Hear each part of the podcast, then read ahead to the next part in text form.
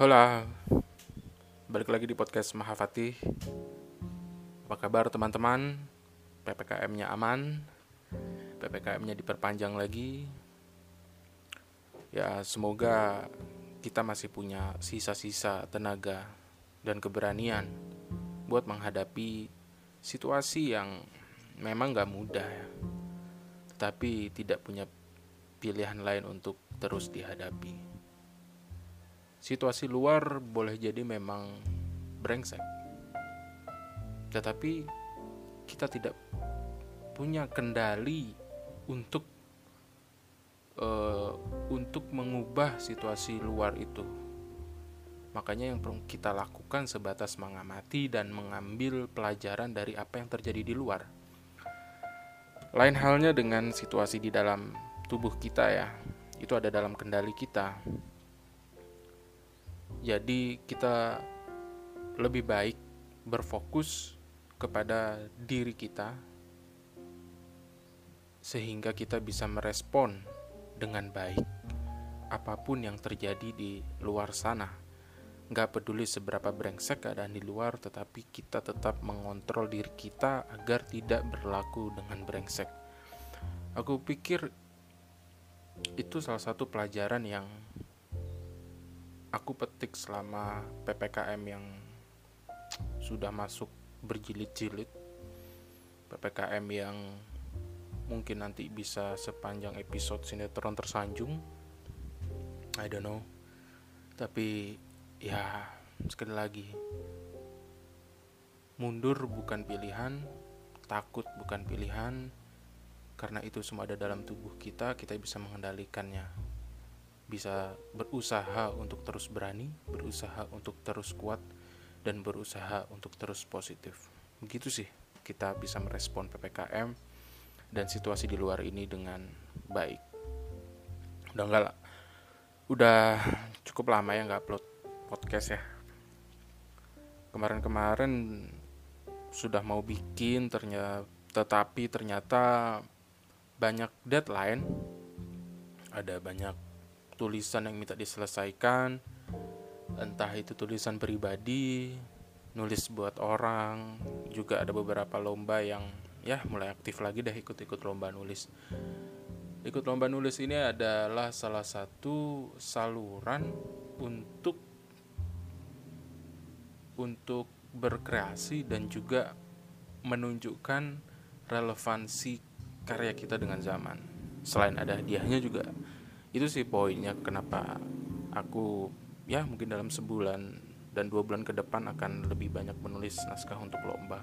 Macam-macam sih lombanya. Tapi satu yang pasti masih dalam uh, jalur kepenulisan karena itu yang aku bisa. Lagipun setelah dipikir-pikir ya ketika ppkm begini semuanya serba terbatas ketika kita bisa melakukan sesuatu yang kita sukai itu juga jadi sebuah kemewahan tersendiri ya. Yang bisa nulis tetap nulis yang bisa gambar tetap gambar yang bisa musik tetap bermusik. Kita belum kita tidak bicara soal apakah ada uangnya atau belum tetapi itu bisa menjadi saluran energi kita untuk tetap bertahan begitu loh. Ya walaupun memang situasi semakin tidak mudah tetapi akan menjadi lebih tidak mudah ketika kita memang bekerja di atau berkarya di, di jalur kreatif tetapi malah terhentikan. Sekarang ini emang gimana ya? Pep, pandemi ini kan situasi yang tidak pernah kita bayangkan ya sebelumnya. Bahkan dua tahun lalu tidak akan pernah membayangkan akan terjadi situasi seperti ini.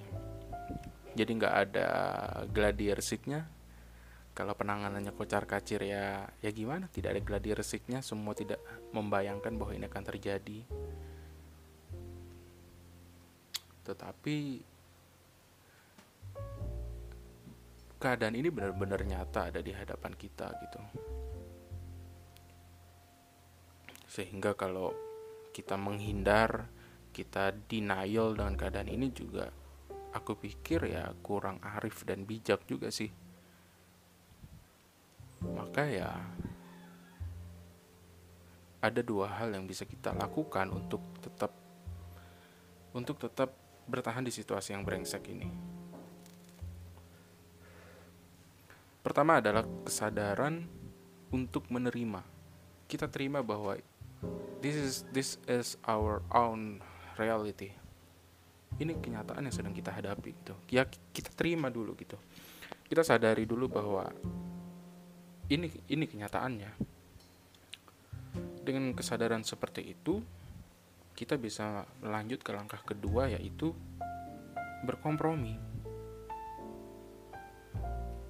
Kita nggak akan mungkin bisa berkompromi tanpa lebih dulu menyadari apa yang terjadi. Ketika kita sudah menyadari itu, barulah kita bisa berkompromi. Kita bisa berkompromi dengan berpikir bagaimana mengatur strategi-strategi dalam hidup kita, bagaimana agar kita tetap bisa bertahan hidup, bagaimana kita bisa melewatin situasi ini. Akhirnya kita berkompromi. Ya, memang tidak semua orang atau semua pekerjaan bisa terkompromikan, tetapi sekali lagi balik lagi ke diri kita, ke mental kita, ketika kita menerima keadaan ini, kita bisa mengkompromi mengkompromikannya. Gitu sih. Lagipun ya ngomel-ngomel di media sosial ngobrol-ngobrolinnya di kedai kopi itu tuh nggak ngubah apa pun yang terjadi di luar kita gitu loh. Nggak bikin kita kenyang juga.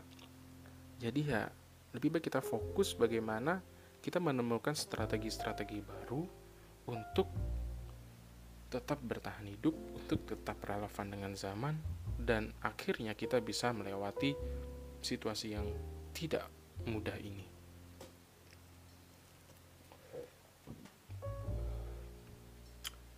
Lagipun kan memang gak ada yang semuanya abadi ya, termasuk pandemi ini. Jadi ya kita harus yakin juga bahwa ini akan berlalu gitu. Maka kita harus tetap bertahan hidup pasti kok berlalu. Nggak ada situasi yang abadi gitu. Karena ini nanti akan berlalu entah kapan cepat atau lambat untuk sekarang karena kita berada di dalam situasi ini kita anggap aja bahwa situasi yang serba sulit ini serba tak menentu ini sebagai sebuah variabel yang akan mentransformasikan diri kita menjadi pribadi yang lebih baik dan pribadi yang lebih kuat. Jadi kita anggap aja seperti itu. Kita posisikan diri kita untuk melihat situasi di luar yang brengsek ini sebagai sebuah variabel untuk kita bertransformasi. Teman-teman, berdasarkan pengalaman dan pengamatanku ya sejauh ini sih. Kadang-kadang dalam hidup kita memang perlu situasi chaos ya. Tapi jangan jangan jangan salah beranggapan bahwa chaos yang aku maksud ini adalah soal kerusuhan publik. No no no bukan gitu chaos yang aku maksud ini adalah chaos dalam diri kita gitu.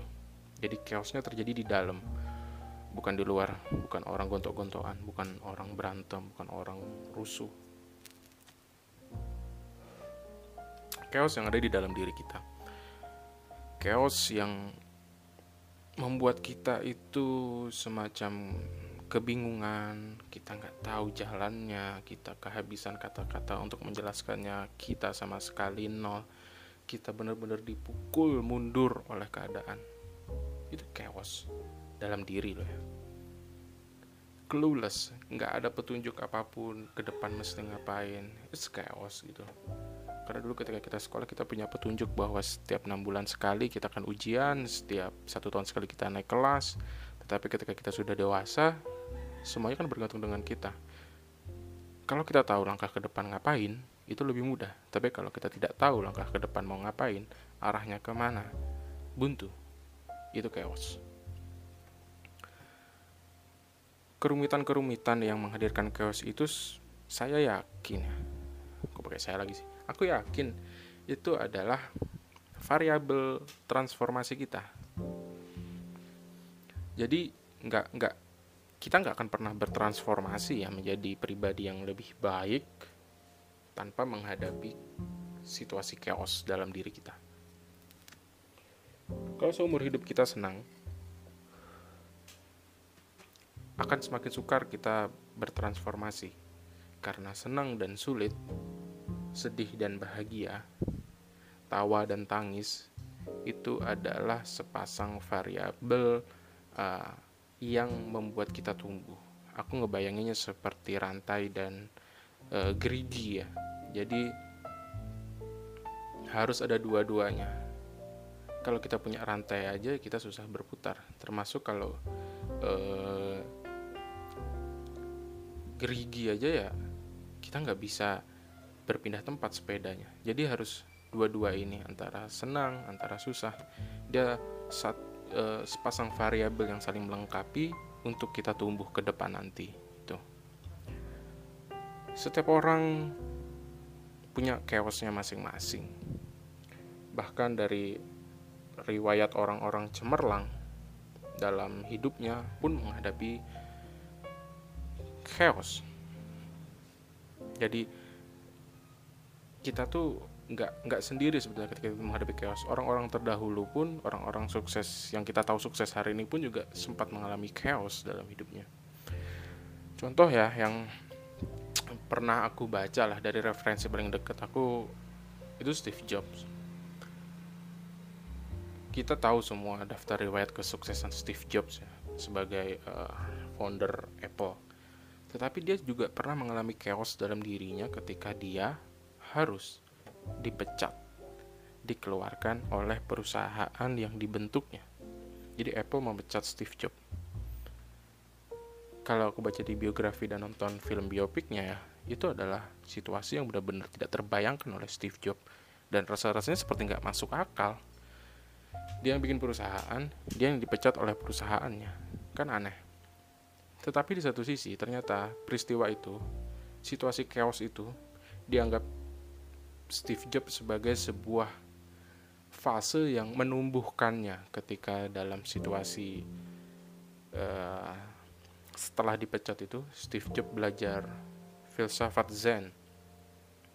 Steve Jobs juga belajar banyak uh, mindfulness ala timur ya.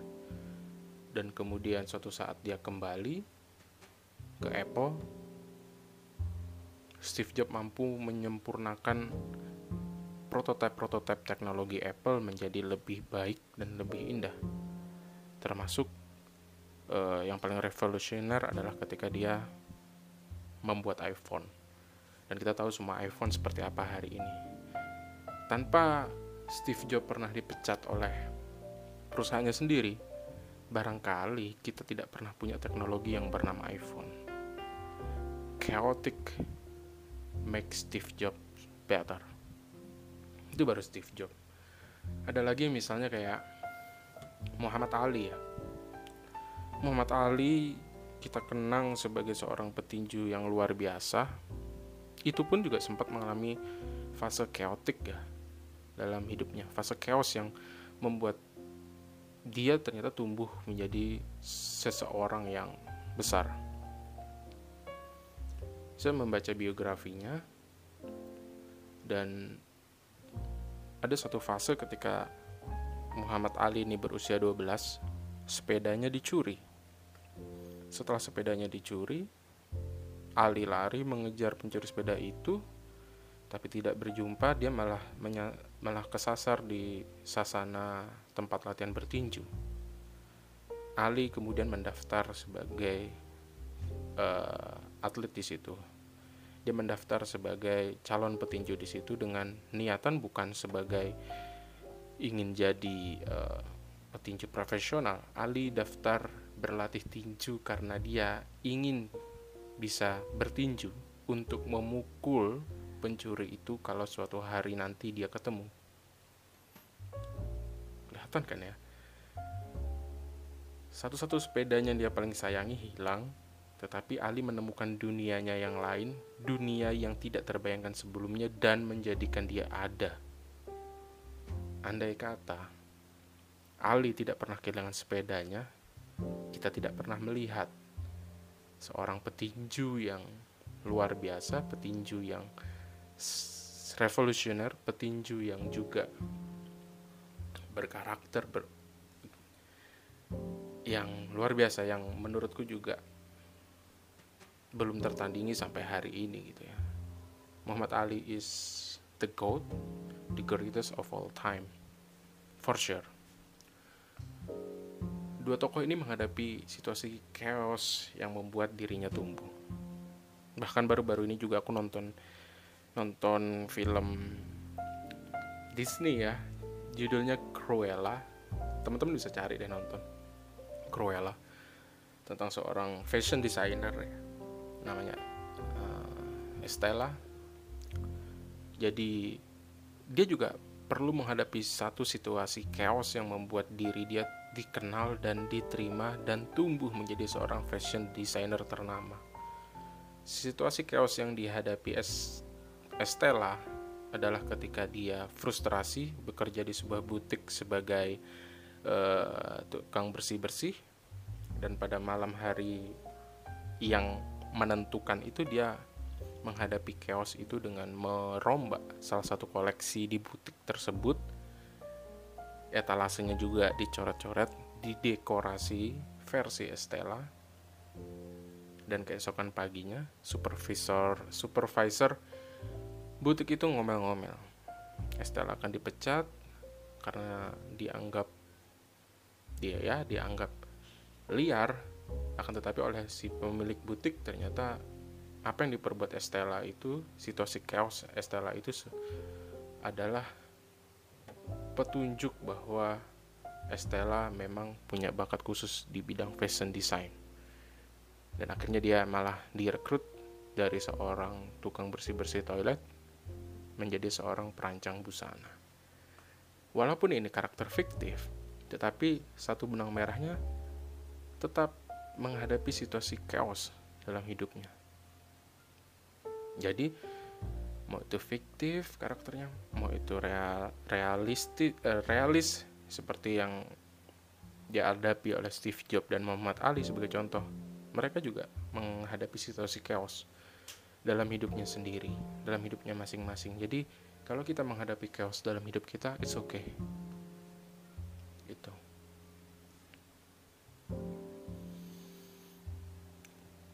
dan dari situ ya dari pengalaman-pengalaman membaca dan menonton film itu aku pikir ya kalau mereka saja butuh chaos untuk bertransformasi kita juga memerlukan hal yang sama. Kita perlu chaos dalam diri kita. Dan untuk saat ini rasa-rasanya kok nggak ada yang lebih chaotic nggak ada yang lebih chaos. Selain melihat mendapati situasi pandemi yang membuat kita jadi serba tak menentu Tapi sekali lagi teman-teman, ini semua pasti berlalu. Maka kita harus bertahan, kita harus berkompromi dan ketika ini semua terlewati, aku yakin sih selanjutnya kita akan bisa menjadi pribadi-pribadi yang lebih tangguh, lebih kreatif, lebih tahan banting. Singkat kata menjadi lebih baik dari versi kita sebelumnya. So, jangan takut sama chaos. Semua orang membutuhkannya, kita membutuhkannya. Yang membedakan adalah bagaimana kita merespon chaos itu. Tetap bertahan, teman-teman. Kita pasti bisa ngelewatin ini bareng-bareng. Adios. Ciao.